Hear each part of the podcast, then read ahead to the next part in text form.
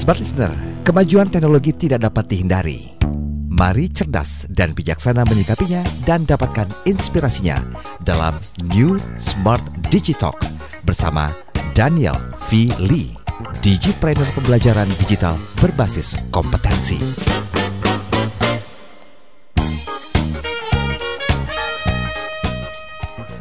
Halo, hai hai hai, selamat malam Smart Listener juga Anda sahabat Sonora di mana pun Anda berada. Senang rasanya bisa kita uh, bersama-sama untuk malam hari ini Nggak kerasa ya sudah hari Jumat berarti tanggal is Friday kembali lagi di ujung hari. Dua harinya biasa libur ya Sabtu minggunya. Dan hari Jumat biasa banyak yang uh, mau pulang cepet dan akhirnya karena semuanya mau pulang cepet jalanan begitu macet di hari Jumat. Dan untuk malam hari ini seperti biasa setiap hari Jumat ada Smart Digital. Ini keren banget. Bersama siapa lagi kalau bukan bersama Bapak Daniel Philly ini beliau ini digipreneur pembelajaran digital berbasis kompetensi. Jadi mau belajar digital mau tahu kita harus seperti apa apa sebagai orang tua, sebagai uh, anak, sebagai ya banyak deh pokoknya di sini tempatnya.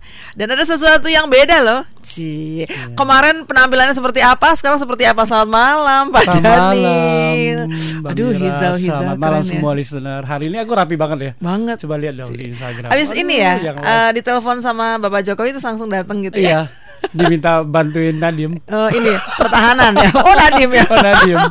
Terus untuk langsung. Uh, ya tadi pagi sempat mampir ke University of Defense, mm. jadi uh, Universitas Random. Pertahanan. Mm -mm. Pas datang, wow gila tempatnya keren banget. Di mana sih pak itu? Itu di Sentul.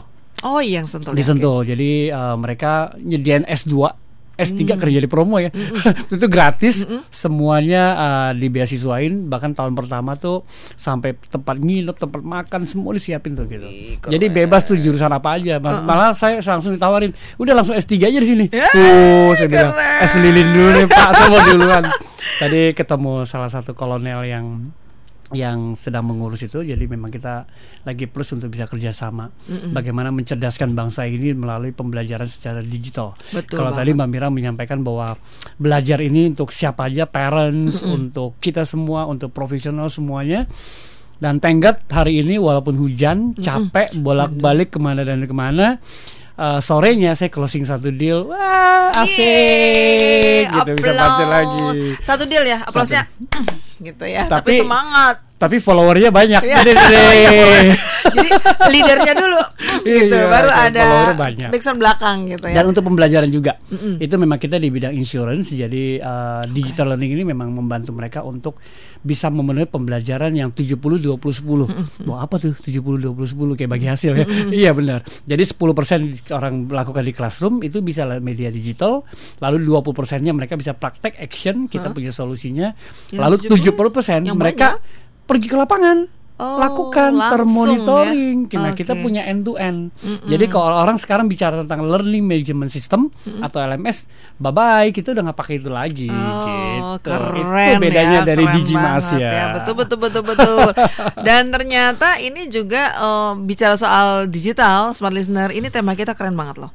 Digital adalah penjara virtual. Hah? Setujukah anda kok penjara virtual ya gitu nah, yang kita menarik. tahu kan penjara tuh yang yang berjeruji yang seperti itu yang ruangan terkungkung dan sebagainya sebenarnya saya punya beberapa tema yang lain tapi -hmm. ketika saya baca satu, satu artikel dari teman gitu ya wow ini bah, bah, bah, bah, bagus untuk kita bahas nih. Karena kita melihat physically penjaranya itu adalah jeruji gitu kan. Tapi enggak loh kayak gitu. Nah, kita juga saya nyiapin satu insert yang bisa didengarin nanti kita Betul. akan bahas lebih detail apa itu penjara virtual. Nah, harapan kita dari semua smart listener, smart listener ya, bisa kontribusi setuju nggak? Kalau nggak setuju kenapa? Kalau setuju, setuju kenapa? kenapa? Nah. Termasuk yang di Instagram ataupun yang di YouTube YouTube-nya. Nah, jadi untuk Anda penasaran kan? Nah, Anda dengar dulu nih insertnya seperti apa. Jadi nanti Anda bisa tahu, bisa uh, komen, bisa klik ke WA SMS 0812 11 12 959 dengan mendengarkan insert dari Digital adalah penjara virtual. Setujukah Anda? Yuk, kita dengerin.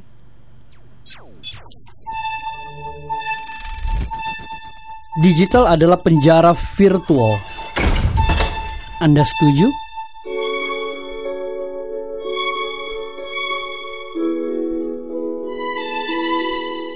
Kata penjara rasanya tidak asing lagi buat kita. Penjara adalah tempat seseorang untuk ditahan secara paksa dan lepas dari kebebasan apa pun di bawah otoritas negara. Saat ini, ada teknologi yang berjenis bioteknologi yang dapat menipu pikiran narapidana dengan berpikir bahwa mereka telah menjalani hukuman seribu tahun. Padahal, waktu yang sebenarnya adalah 8 jam saja. Teknologi futuristik ini diciptakan oleh seorang ilmuwan dari Oxford University. Namanya Rebecca Roach. Tujuan dari ide ini yaitu untuk mengubah sistem hukuman yang terkesan konvensional serta hukuman-hukuman yang tak lagi manusiawi bagi napi seperti hukuman mati, pelecehan fisik, kurungan isolasi, dan penjara seumur hidup. Pasalnya, sistem hukuman sekarang ini lebih mengutamakan hukuman pembalasan dibanding dengan pemikiran rehabilitasi terhadap narapidana. Ada lagi, di Taiwan sudah ada program untuk kunjungan penjara virtual yang artinya adalah pengunjung tidak perlu hadir ke penjara untuk berkunjung. Cukup berkunjung melalui smartphone mereka. Sehingga melalui program ini diharapkan bisa memudahkan narapidana untuk berinteraksi dengan keluarga mereka masing-masing. Nah, bicara tentang penjara virtual yang sama halnya dengan kita berpacaran secara virtual, kita berkomunikasi secara virtual, ada namun tidak nyata. Penjara virtual yang ingin saya ajak untuk kita renungkan pada hari ini adalah salah satu postingan seorang teman yang menuliskan berita tentang betapa canggihnya ruang modern yang diciptakan untuk mendeteksi aktivitas seorang guru. Sungguh akan membuat saya sangat bersedih hati. Itu bukan karena saya seorang guru yang tidak mencicipi ruang tersebut, tetapi lebih berpikir kepada bagaimana hak asasi kita selaku guru. Kita sudah terpenjara dengan berbagai kasus yang menimpa dunia pendidikan. Kini harus terpenjara dalam penjara virtual bagi guru. Ruang tersebut mampu mengebiri hak-hak asasi guru dalam bidang pendidikan. Hal yang kedua, hadirnya begitu banyak aplikasi-aplikasi yang memudahkan hidup kita yang rasanya memudahkan hidup kita dan membuat seolah-olah kita sudah tidak bisa keluar dari aktivitas kita untuk memegang handphone kita, menggunakan smartphone kita. Bahkan setiap saat, setiap waktu, bahkan ketika aktivitas paling penting pun kita lupakan dan kita tetap tersambung, terconnected dengan smartphone kita. Smartphone boleh canggih dan tipis serta mahal, dan power bank yang menemani smartphone kita haruslah yang tahan lama, tebal pun tidak menjadi masalah. Karena smartphone kita tidak boleh lowbat, apalagi mati. Rasanya kita sudah tidak bisa lagi hidup secara nyata. Kita tidak bisa bersosialisasi lagi dengan baik. Kita tidak bisa bergembira lagi seperti manusia pada umumnya dengan sesama kita bagaimana kita bisa menjadikan diri kita sebagai human being, manusia sosial yang cerdas dan berkualitas. Karena hampir seluruh hidup kita sudah dipenjarakan oleh smartphone yang ada di tangan kita. Ayo, renungkan kembali apa tujuan semula ketika kita membeli smartphone dan bagaimana secara bijak kita menggunakannya. Karena setiap hari kita hanya dibekali 24 jam saja untuk memanfaatkan seluruh hari-hari kita.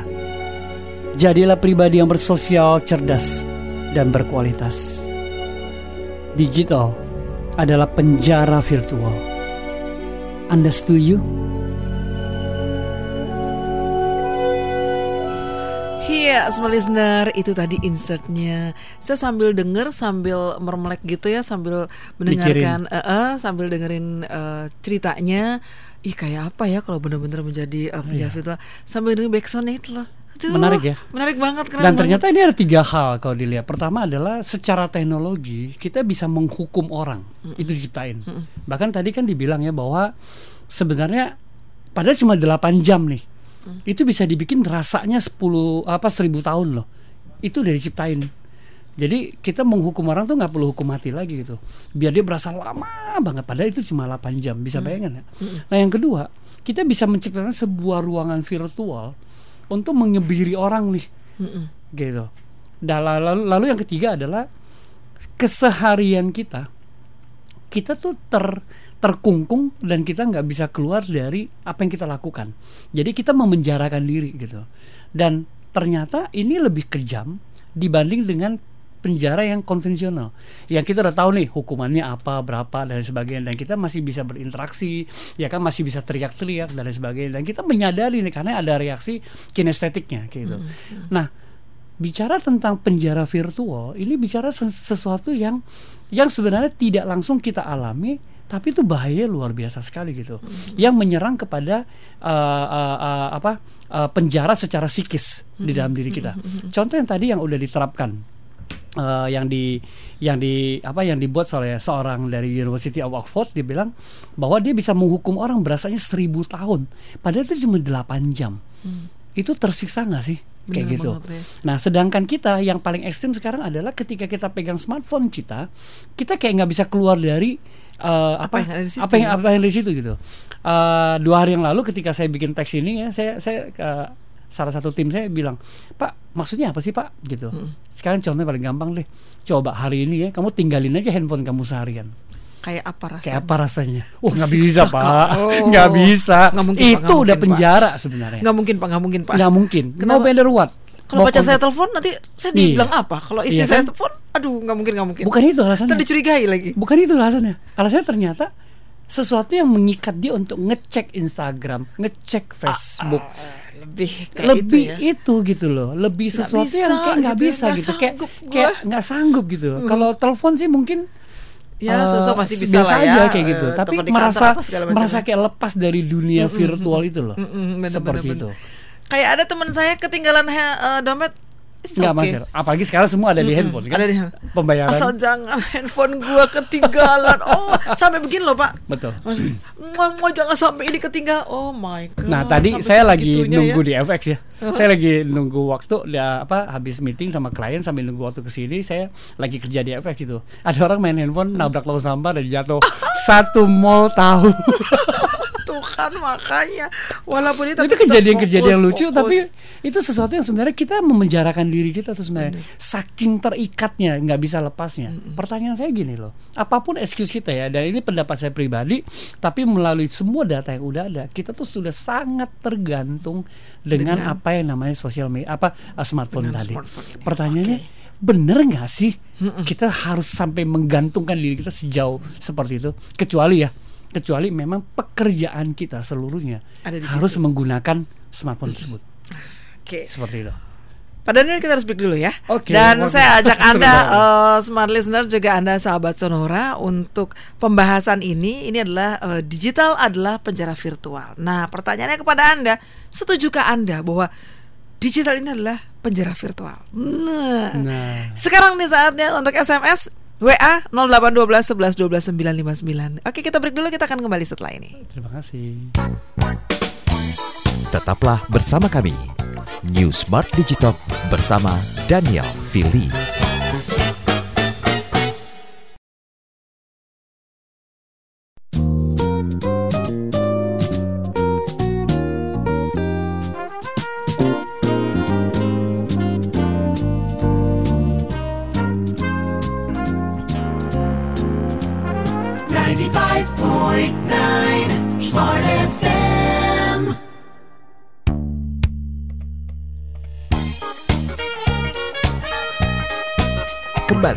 Anda ikuti New Smart Digitalk bersama Daniel Fili.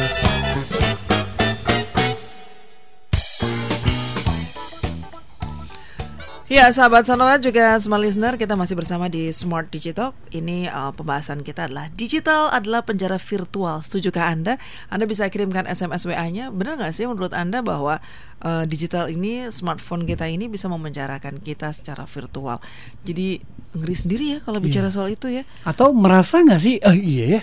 Ternyata Gila, iya. aku di penjara nih, dikungkung tidak nih kayak gitu gitu kan. ya. Mhm. Saya lagi uh, barusan baca satu artikel tentang sekarang lagi marak lagi nih ditangkapnya mucikari gitu ya. Hmm. Ya.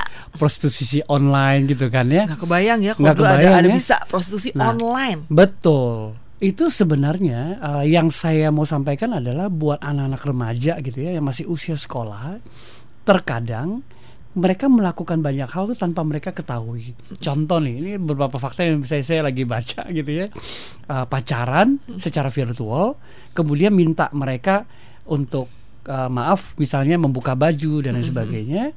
Nah, penjara virtual di mana? Jadi ketika kita lakukan itu kita nggak tahu itu direkam atau enggak. Begitu udah direkam itu menjadi sebuah konten.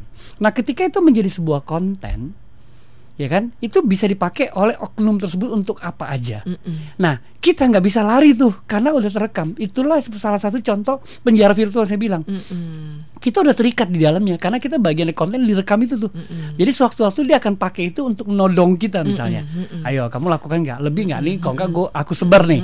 Kayak gitu. Nah itulah yang terjadi. Bisa bayang nggak? Itu hal yang sederhana loh. Kalau penjara konvensional kan kita tahu nih hukumannya apa dan jelas, Jelas, uh. bisa dihindari. Ini sesuatu Bisa yang naik tan- banding dan sebagainya ya. Betul. Ini nggak bisa.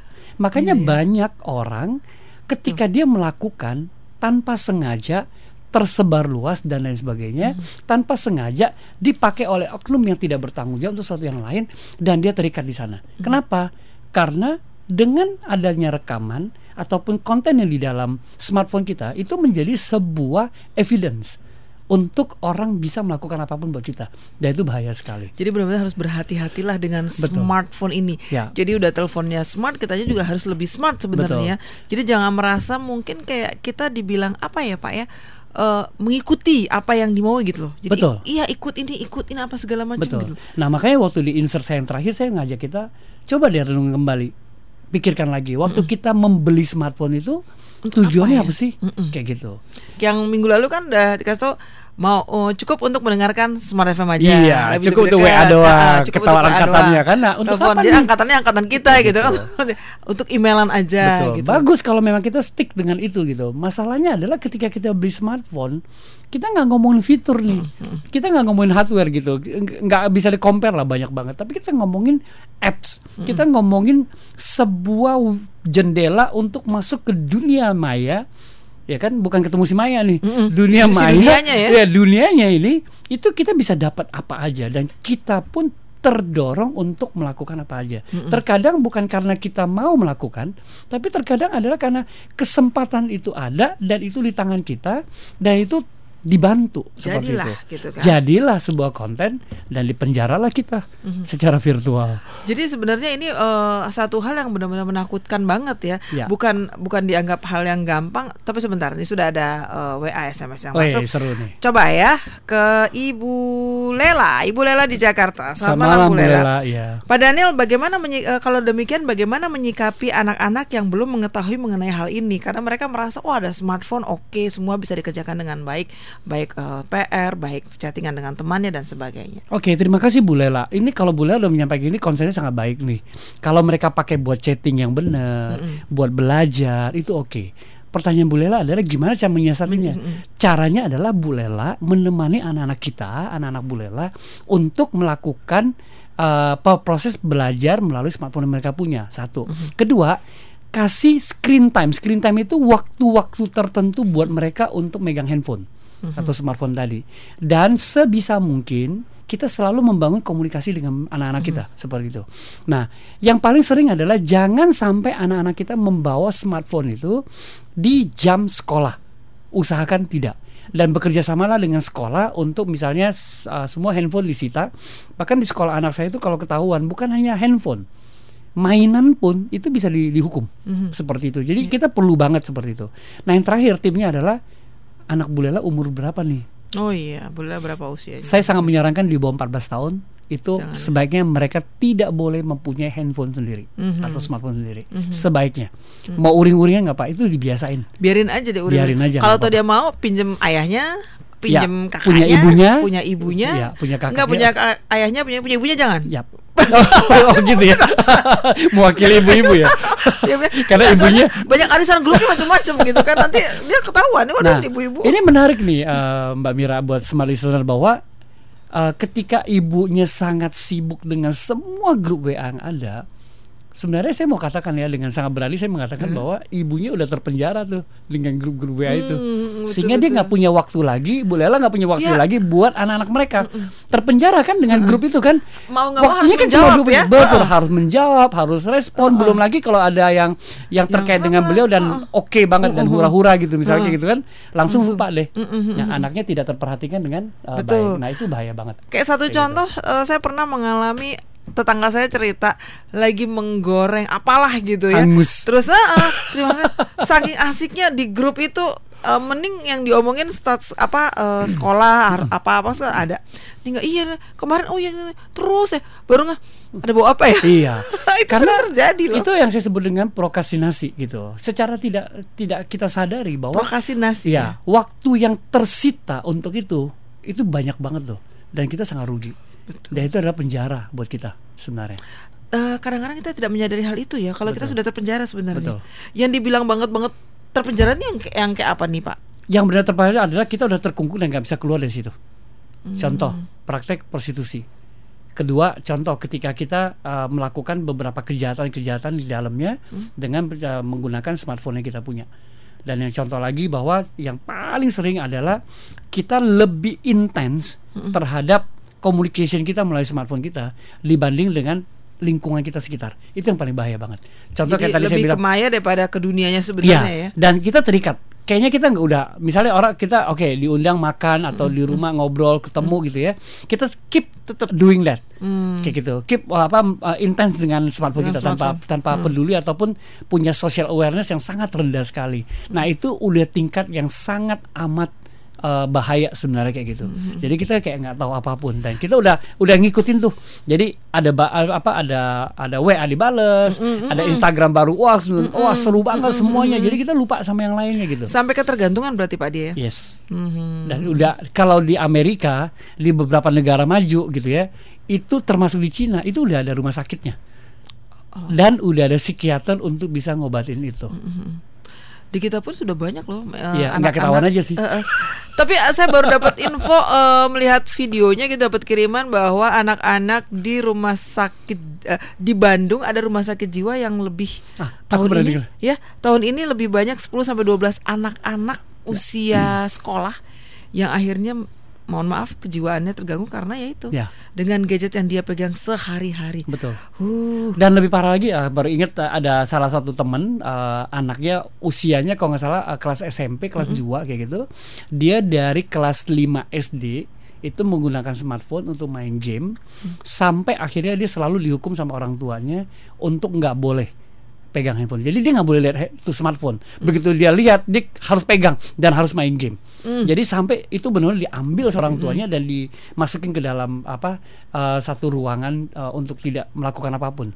Itu sampai addicted seperti itu loh. Jadi kalau tadi Bu Lela bertanya, jangan sampai anak ibu sampai seperti itu karena lebih baik kita mencegah daripada kita mengobati dan itu kalau udah ngobatin udah susah banget Susah ya. banget. Mendingan mencegah sesakit apa Iya, lah. iya, ya. Oke. dicegah. Pak Daniel, kita harus break lagi dan untuk Anda smart listener saya masih mengundang Anda untuk berpartisipasi. Nanti akan saya bacakan SMS WA yang sudah masuk. Setujukah Anda bahwa digital itu adalah penjara virtual? Ini adalah eh, tema kita untuk malam hari ini. Bisa aja ya Pak Daniel tuh memberikan eh, tema-temanya yang mungkin menyeramkan, tapi bener loh ini mem- membuat kita jadi oh iya ya, jadi engah, jadi aware Betul, gitu kan mengenai hal ini. Anda bisa kirimkan SMS-nya, WA-nya di 0812 11 12 959. Mau telepon Pak Daniel ngobrol di sini boleh loh. Line telepon saya buka di 021 6343417. Bisa live YouTube ke instanya Pak Daniel Instagramnya bisa. Daniel Valley atau digimasia.com. Digimasia.com juga bisa. Oke, kita akan break dulu. Kita kembali setelah yang ini. Tetaplah bersama kami. New Smart Digitalk bersama Daniel Fili.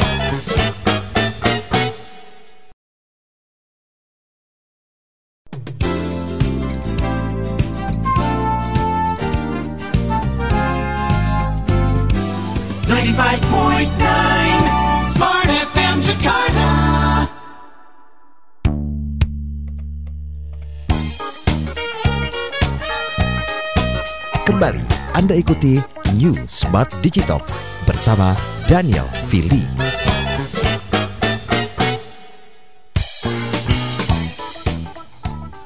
Smart listener, juga Anda sahabat Sonora, kita kembali di Smart Digital masih bersama Bapak Daniel. Untuk pembahasan kita digital adalah penjara virtual. Anda setuju nggak sih? Ada yang merasa mungkin kayaknya nggak setuju deh, saya biasa-biasa aja tuh dengan smartphone. Ada karena memang nggak terlalu uh, tergantung dengan smartphone-nya. Tapi ya. kalau yang ngerasa benar-benar pengaruh banget, mungkin dari dia udah terbiasa dari kecil kali ya, jadi dia merasa oh iya ya baru sadar kan banyak orang yang nggak sadar loh Pak Daniel mengenai oh masa sih saya udah, di, Betul. udah merasa terpenjara gitu. Ada nggak orang yang kayak gitu? Nggak ya? Banyak. Oh, banyak? Banyak. Yang kira mereka nggak sadar gitu mereka nggak sadar. Banyak sekali mereka nggak sadar. Hmm. mereka sadar itu setelah terjadi sesuatu. Misalnya? umumnya orang uh. Indonesia gitu. Kalau misalnya terjadi misalnya udah nabrak uh, gitu ya. Oh kayak gitu. Saya setiap minggu itu kalau saya nyetir di tol ya selalu ada kejadian dan saya tahu itu pasti karena penyebabnya handphone. adalah itu kayak gitu kedua saya sering nyalip mobil orang saya lihat hmm. tuh pasti tuh lihat tuh pasti dia main handphone uh -uh. sama istri saya kan uh -uh. tuh lihat tuh kan pasti dia bengong kayak gitu uh -uh. makanya Bahkan, lama jalannya iya, apa ya apalagi kita lihat kontraflow yang kalau tiap pagi dibuka tuh ya uh -uh kita bisa berlawan arah nih. Kita lihat tuh kan dia main handphone, uh, uh. sementara ngantrinya udah panjang, panjang banget kan. Uh, uh. Itu kan berarti akan mengganggu banyak orang ya. Uh. Nah kenapa dia tersita? Padahal dia lagi nyetir gitu. bisa, bisa Saya gitu ya. pun sebenarnya sebenarnya ngaku dosa juga gitu ya. Berharap selalu untuk kalau sebisa mungkin tuh nggak pegang smartphone gitu loh. Nah itu saya ngerasain bahwa tanpa saya sadar kenapa sih saya mesti ngecek gitu loh. Selama saya ngedriving atau apa uh, apa uh, mengendai kendaraan itu lebih penting untuk memperhatikan keselamatan waktu kita berkendara dibanding dengan hand apa uh, sesuatu di smartphone tadi gitu loh. Mm-hmm. Kalau memang ada penting banget, ya mereka akan telepon kok sebenarnya. Iya benar. it, gitu. Mm-hmm. Bahkan selama kita driving atau nyetir itu kita kita bisa menikmati perjalanan kita Betul. seperti itu kan, atau sambil makan. Mm-hmm. Ya kan, mm-hmm. uh, seperti itu. Nah tanpa disadari, contohnya adalah Uh, karena itu menjadi sebuah habit. Contoh paling gampang teman-teman, uh, smart listener bahwa pertama kali waktu kita bangun tidur apa sih yang kita pegang pertama kali? Hmm. Saya senang karena ini udah hampir satu dua tahun gitu ya, It, uh, membuka handphone itu udah bukan jadi prioritas saya kayak gitu. Saya senang sekali karena saya belajar dari seorang uh, brand trainer namanya Jim Quick dari Singapura. Hmm. Dia ngajarin ke uh, memberitahu kepada kita bahwa apa yang pertama kali kita lakukan tiap pagi itulah yang menjadi habit yang mau kita bangun. Hmm Nah karena dalam banyak hal saya bangun tidur saya selalu mengucap syukur sama Tuhan bahwa saya diberikan kesempatan satu hari lagi untuk berkarya untuk menjadi lebih baik lagi. Lalu saya bawa handphone saya turun dan sebagainya. Hmm. Lalu saya tidak melakukan apa pun sampai saya melakukan beberapa kegiatan baru saya buka handphone saya hmm. di jam tertentu seperti hmm. itu. Hmm. Karena itu untuk melatih untuk kita berkomunikasi dengan tubuh kita dengan sang pencipta dan sebagainya. Jadi saya melakukan beberapa uh, rutinitas yang menurut saya saya memelihara tubuh saya hmm. ya kan untuk menjadi pribadi yang lebih baik, yang lebih sehat dan sebagainya. Hmm. Dan saya put away dari uh, smartphone dan beda banget gitu. Dulu saya intent banget nih hmm. pegang handphone, cek Instagram dan sebagainya. Hmm. Saya bisa posting sehari bisa tiga empat kali gitu kan. Sekarang saya mulai membatasi diri hmm. untuk yang penting-penting dan lain sebagainya. Bahkan terkadang tergoda untuk melakukan itu, hmm. tapi saya enggak deh, ada hal yang lain. Hmm. Terkadang saya tergoda untuk itu, oh ya enggak untuk anak, untuk kegiatan yang lain yang sifatnya membangun sosial life saya gitu loh, interaksi hmm. uh, konvensional saya karena itu yang membuat kita hilang. Oh, iya, nah, yang okay. kedua sebenarnya Mbak Mira tadi Mbak Mira nanya, benar nggak sih orang nggak sadar? Iya, coba lihat. Kita di rumah. Coba lihat deh, perhatikan lingkungan sekitar kita hmm. waktu di food court ya. semua orang tiba-tiba diem kayak gitu bahkan saya punya temen balik dari uh, apa uh, orang-orang bule gitu ya hmm. saya bisa loh tahu orang Indonesia atau bukan ya. lihat aja ya kan anaknya yang kecil ya? dikasih handphone hmm. atau smartphone untuk main atau sekeluarga semua duduk udah pesan blok udah hmm. semua pegang smartphone hmm. ada yang saking sibuk yang lebih parah lagi adalah sambil makan sambil nge ini hmm. apa smartphone-nya kayak gitu uh, jujur saja teman uh, smart listener bahwa ketika anda lakukan itu tuh emang sepenting itukah Tuh. emang seurgent itukah padahal waktu ya. kita makan kita menikmati, makanan itu mm. cuma sejengkal segini loh kalau buat yang live in, in, Instagram itu cuma sejengkal leher kita nih mm -mm. seperti itu Selebihnya masa Selebihnya apa? Tiba-tiba habis. Oh, udah, habis makanan. Nah, iya kan. Kayak gitu. Tidak Padahal itu menikmati yang kenikmatan. diberikan ya. Nah, secara manusia kita tuh harusnya punya rasa yang seperti itu gitu loh.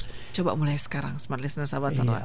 Nikmatilah santapan yang ada di depan Anda tanpa tangan kiri megang handphone. Bisa nggak? Yuk Betul, coba. coba. Bisa nggak? Dan kita waktu minggu lalu sempat ada pertanyaan bahwa anaknya mau makan kalau pakai ini ya, Ya. pakai handphone ya. Ya. Kasihan kan anaknya ngunyah-ngunyah tapi nggak Nggak sadar, gitu kan? gitu. Jadi nanti kalau dia udah besar tanpa handphone dia nggak bisa ngunyah tuh. Nah iya. Benar. Itu kejadian anak saya yang paling besar. Dari kecil dia emut. Jadi begitu sampai besar dia akan ngemut. Makannya lama banget. Itu dirubah itu setengah mati.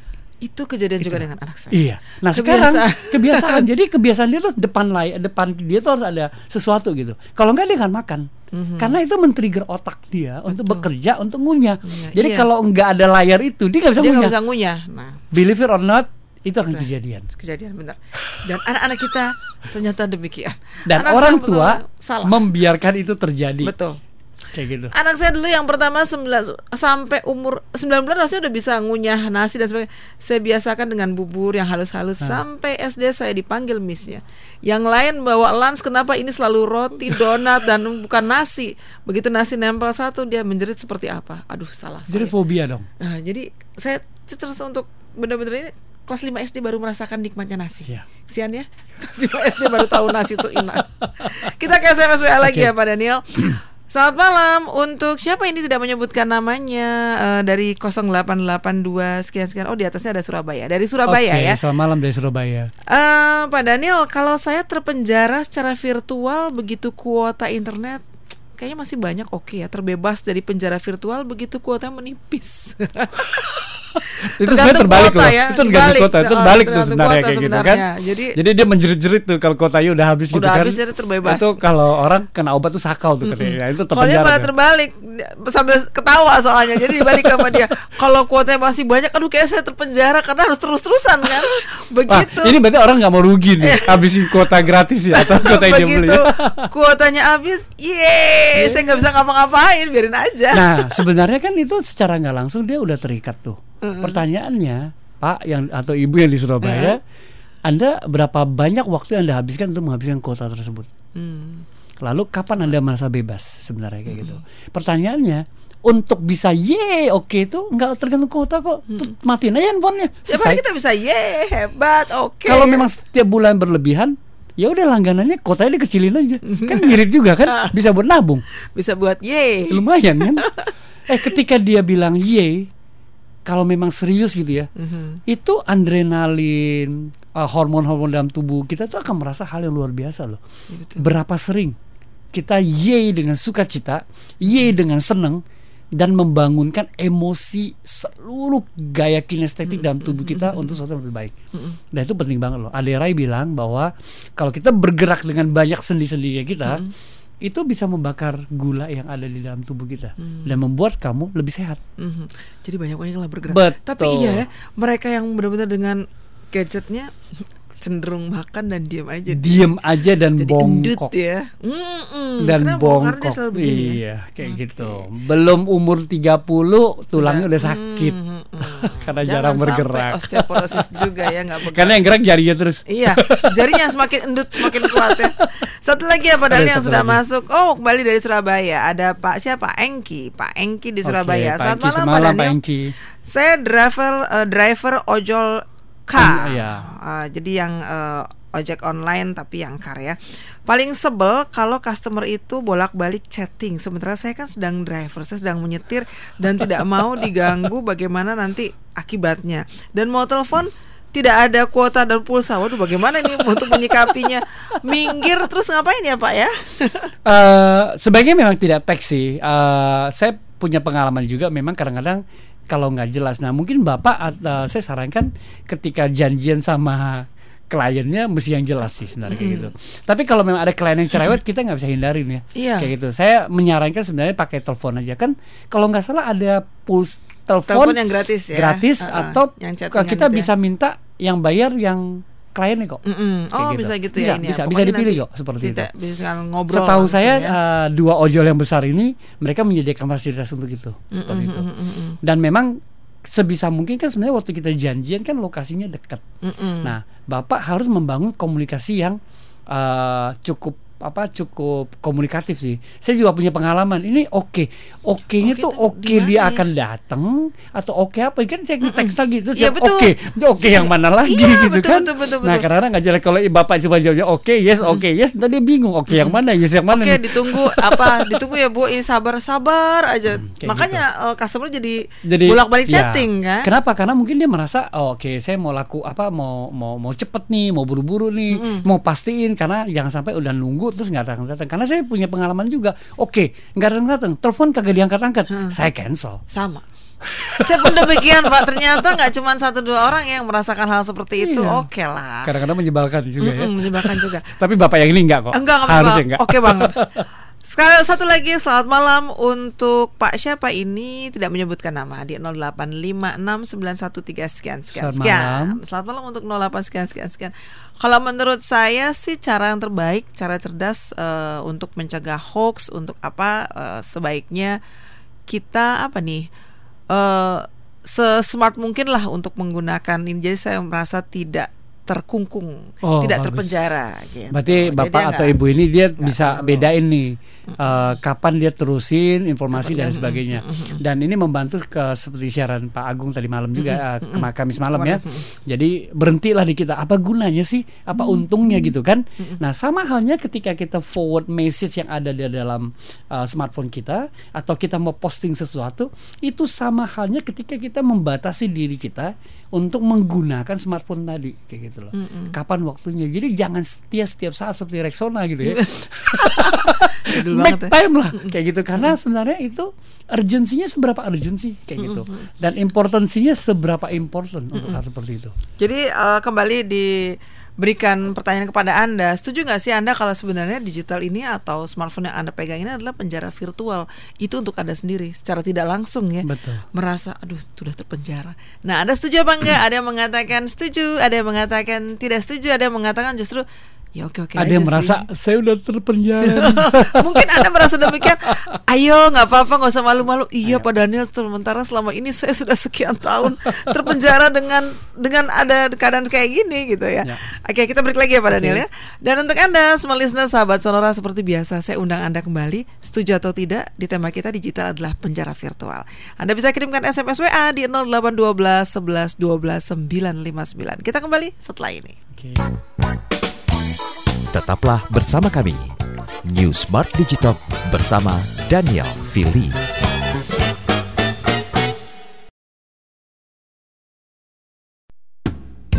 We take the time to listen to you. 95.9 Smart FM Jakarta.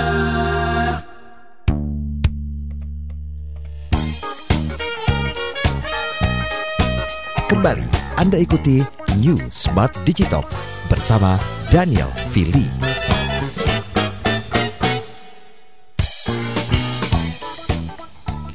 Ya, smart listener juga Anda sahabat Sonora masih di eh, Smart Digital. Ini nggak kerasa udah sampai di sesi kita yang terakhir. Wow, cepat sekali masih, ya. Oh, nggak berasa ya. Tahu-tahu udah mau kasih tips aja kepada Anda bagaimana Anda merasakan bahwa ternyata Hmm, tanpa disadari, oh iya ya ternyata saya udah sudah merasa terpenjara di tangan saya sendiri gitu loh. Hmm. Itu eh, tanpa disadari gitu ya. Kalau misalnya dia sudah sadar, otomatis kan dia akan melepaskan sesaat. Iya. Tapi kan yang namanya manusia nyoba lagi, nyoba lagi. balik lagi balik lagi Oh. itu disiplin yang paling susah kan kayak gitu nah ketika kita tanpa sadar sebenarnya ini dari sebuah kegiatan yang sederhana yang kecil yang rutin kita lakukan contoh yang paling gampang adalah begitu bangun tidur tadinya kita sholat tadinya kita berdoa karena ada smartphone di sebelah kita itu yang pertama Bentar kali dulu dahulu deh. diambil satu Nah sebenarnya itu caranya adalah membangun sebuah habit yang kecil tuh. Jadi kebiasaan. Hmm. Jadi begitu bangun langsung ambil, bangun langsung ambil. Nah kerja otak itu akan menjadi bagian dari kita untuk selalu ngedrive tangan kita untuk ngambil itu. Lalu begitu ambil kan pasti ada yang mau dibuka dong untuk dilihat. pastinya. Mau WhatsApp, Instagram atau apa pun. Atau nah dengan demikian orang. betul atau status orang gitu kan ya. Ya kan seperti itu. Lalu itu menjadi kebiasaan yang kedua. Ketika kita sering lakukan itu satu dua satu dua satu dua, itu menjadi sebuah rutinitas yang sangat bahaya dan itulah yang akan memenjarakan kita gitu. Begitu handphone yang nggak ada, kita mulai pusing, mulai kayak ada yang hilang. Nah di situlah penjara virtual itu sudah terjadi. Itu kalau kita bicara hal yang paling sederhana terjadi setiap kita mostly setiap kita seperti itu. Nah tadi saya kasih contoh penjara virtual yang kedua yang paling bahaya adalah buat bapak ibu atau semua listener buat mereka yang punya anak-anak remaja terutama wanita perempuan Hmm. seperti itu ya cara terjadinya apa ketika mereka lakukan pacaran secara virtual Hmm. oke Be tergoda. careful. sangat sangat bahaya. Kenapa? Karena mulai dari godaan lawan jenis dan lain sebagainya kemudian mereka melakukan tindakan-tindakan kecil. Karena kita nggak tahu kita nggak nggak tahu apa yang dilakukan di seberang sana oleh pasangannya gitu. Itu bisa direkam ya kan? Itu bisa disimpan. Dan itu akan menjadi sebuah konten. Nah itu akan dipakai untuk sesuatu yang mungkin tidak ada manfaatnya nantinya. Dan itu akan membuat sebuah konten yang memenjarakan anak putra putri ibu sendiri seperti itu. Nah demikian juga nanti jadi addicted. Buat orang yang melakukan itu pun itu akan jadi sebuah ketagihan. Jadi dia akan ngumpulin uh, konten-konten yang sifatnya tidak membuat dia untuk lebih baik tapi untuk menyenangkan hatinya seperti itu. Nah itu yang kedua yang paling bahaya. Nah bagi teman-teman uh, smart listener yang selalu terbiasa nggak bisa nggak pegang smartphone dalam keadaan on. Di dalam ini saya bilang hand smartphone-nya kecil, tipis, tapi power banknya tebal banget karena nggak boleh mati. Iya, nggak boleh mati terus Nah, gitu ya. Itu udah bukti dengan habit yang kita punya, kita sudah terpenjara tuh, Mhm. karena nggak boleh mati seperti itu. Kesannya kita mesti standby Betul. ya kan kesannya kita mesti standby. Nah, apalagi uh, saya sering naik kereta, saya nyobain kayak gitu. ya. Saya melihat banyak orang melakukan seperti itu. Seperti uh, di Singapura juga saya melihat ya uh, negara tetangga kita paling dekat, semua orang earphone, nonton, main game atau apa pun, udah dia nggak peduli kiri kanan, depan belakang, atas bawah. Itu udah memenjarakan diri itu sebenarnya. Jadi kita nggak nggak nggak nggak ngomong satu dengan yang lain, bahkan nggak peduli sampai misalnya terjadi sesuatu rem mendadak, baru semua orang, oh kenapa nih kenapa nih Nah, kayak iya, gitu kan? betul, betul, Nah, betul. Itu baru melek nanti oh nggak apa-apa, mulai balik lagi kayak gitu kan. Nah social life kita tuh hilang sama sekali, bahkan kita nggak peduli. Nggak bertegur sapa dengan samping, Satu. kanan, kiri, depan. Kedua, nggak peduli bahwa mungkin ada orang butuh uluran tangan kita untuk kita Iya, tolong, betul. untuk kita bantu dan lain sebagainya. Nah, rasa itulah yang sebenarnya membuat kita tuh terpenjara. Rasa itulah yang membuat kita tuh sebenarnya untuk eh, apa menghilangkan human beingnya kita gitu. Padahal kita adalah manusia sosial yang cerdas, yang sebenarnya punya kualitas gitu loh. Nah, saya mengangkat tema ini kenapa? Karena saya secara pribadi rindu banget ketika kita bisa tertawa, Ya. ketika kita bisa bercanda, ketika kita bisa put away all smartphone yang kita punya, gadget yang kita punya, lalu kita membangun sebuah komu- komunikasi yang baik, menikmati suasana yang ada gitu ya, dan membangun eye contact, bicara emosi punya dan lain sebagainya. Itu tuh makin hari makin ke sini, makin ada ya? hilang loh. Nggak ada Uh, ya? saya nggak tahu juga persisnya seperti apa gitu ya. Tapi saya ceritakan satu pengalaman gitu sekarang. Uh, tiga tahun yang lalu, ketika application tidak terlalu banyak dibandingkan tahun ini, you name it, apa yang nggak ada di smartphone, akhirnya membuat kita sangat tergantung. Sekarang ke pasar pun karena kita bisa bayar lewat Bener. dan dapat Itu Uh, di sini. cashback, Mm-mm. Akhirnya membuat kita selalu melakukan Pakai itu gitu loh. dibandingin kita bertransaksi langsung. Betul gitu. Sekarang yang ditanya bukan harganya, ada cashback nggak? Itu Seperti dia. itu. Aduh, Jadi sifatnya ya. udah udah udah hilang. Kita bahkan belanja pun udah udah cari cashbacknya gitu. Bukan i- bukan bukan bukan menikmati belanjanya. gitu. Nah, itu sebenarnya nilai-nilai yang udah makin lama makin digeser tuh. Itu yang harus kita mawas diri bahwa jangan sampai itu udah addicted. Jangan sampai itu udah menjadi sebuah habit yang mengendalikan seluruh hidup kita kejadiannya udah mulai banyak sih uh, buat smart listener ataupun uh, Mbak Mira bisa uh, googling gitu ya kasus-kasus ya gimana anak-anak yang udah kecanduan nggak mau kalau nggak ada smartphone dia bisa uring-uringan dia bisa marah dia bisa banting ini banting itu dan sebagainya. Lalu buat mereka yang secara dewasa mereka menggunakan itu untuk menghibur diri mereka dan sebagainya sampai kepada prostitusi secara online itu pun adalah bentuk penjara-penjara yang dibangun oleh diri kita masing-masing. Dan sangat sedikit bagi mereka yang melakukan itu untuk pekerjaan mereka. Pertanyaannya simple. Sekarang bos smart listener coba lihat di dalam handphone kita smartphone kita.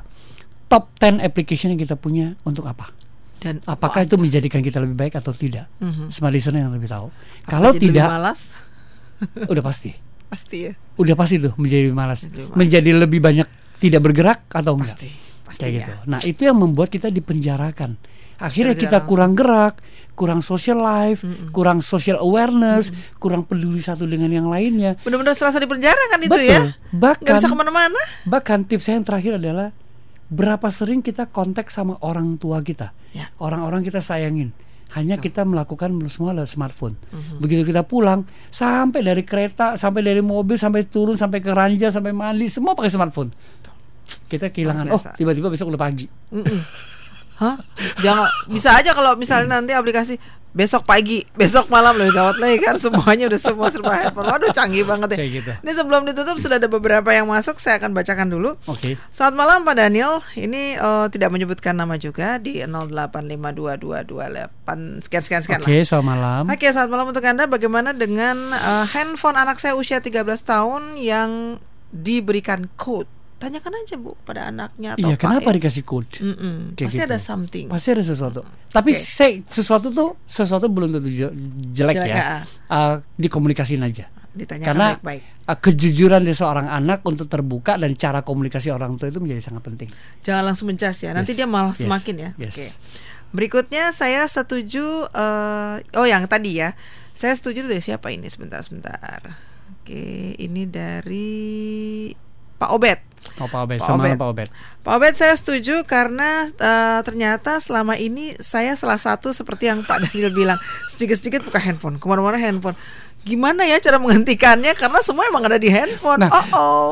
Pertanyaannya Pak Obed masa nggak tahu cara menghentikannya? Dimatiin ya, aja Pak? handphonenya. Iya Pak merasa gimana? Coba eh, lima menit aja Pak. Iya, Tersiksa nggak? iya betul. Padahal kita tahu caranya gitu. Justru ketika kita nggak mau lakukan itulah, itu udah penjara buat kita sebenarnya. Eh, Ada lagi? aduh. Ada banyak sih, tapi waktu kita kan sudah Ya, satu lagi mungkin, satu lagi. ya, oke, sebentar ya. Satu lagi dari yang memakai nama ya. Di sini banyak yang tidak memakai nama. Sebentar, sebentar, sebentar, sebentar. Hmm, hmm, hmm. Oke, ini dari Ibu Cio. Ibu, Ibu Cio. Bapak Cio nih? Oke, selamat malam. Selamat malam dari Surabaya juga. Surabaya banyak juga. dari Surabaya ternyata ya. Perlu Saya- di Surabaya kita kayaknya. saya setuju-setuju saya Pak Daniel dengan eh, hal seperti itu karena saya melihat di sekeliling nampaknya sudah tidak ada lagi oh, unggu-unggu apa segala macam yang menurut adat Jawa. Jadi kalau lewat depan yang tua cuek Lewat-lewat aja, aja. dengan ini eh, lewat ini. Jadi merasa anak-anak sekarang atau generasi sekarang sudah lebih takut patuh kepada smart dibandingin lingkungan sekitar. Oke. Jadi ibunya uh, ibu atau bapak itu berasa ya. Jadi memang itu sosial. ya. Iya, itu sosial social awareness yang memang turun. Itu yang sangat dirasa turun turun sekali sih. Bahkan uh, terbalik kalau Pak Agung tadi malam bicara tentang bahkan itu di foto-foto untuk sesuatu yang apa sih untungnya itu kan? Jadi itu bukan sosial, jadi jadi sebuah konten yang akan memenjarakan orang lain seperti itu. Itu yang lebih bahaya. Oke, gitu. nggak kerasa ya. Waduh nggak kerasa ya, Uh, bener. kita masih mau lanjut satu jam lagi loh sebenarnya. Maunya gitu ya. Maunya. Ya insya Allah kita ketemu lagi minggu depan ya. Terima kasih lah sudah berpartisipasi. Semoga ini membawa anda menjadi lebih baik lagi Betul. dan merasa tidak diperja- dipenjara dengan catatan coba matikan. sesaat Matikan handphone, Matikan handphone. belajar untuk disiplin, Untuk dengan disiplin. waktu tertentu. Setelah anda buka ratusan WA masuk. Nah, mulai delete-delete, jangan dibaca. Ya, jangan Kecuali dibaca. penting. Apalagi di grup kalau nggak terlalu penting-penting. Paling di unfollow, paling di unfollow. Biasanya kalau penting dia akan japri ya, Betul, pasti dan betul. atau telepon ya. Ya. Oke, kita harus tuntaskan eh, pertemuan untuk malam hari ini. Akhirnya kita semua harus pamit. Saya Mira Hamzah pamit Dan, Dan- saya Daniel Feli pamit. Terima kasih. Selamat malam. dan kita ada uh, ungkapan itunya kan Iya. kata-kata terakhir Smart Digital membangun, membangun manusia, sosial, cerdas, berkualitas. Selamat malam, bye bye. Anda baru saja mengikuti New Smart Digital. Inspirasi untuk cerdas dan bijaksana menyikapi kemajuan teknologi. Terima kasih dan sampai jumpa.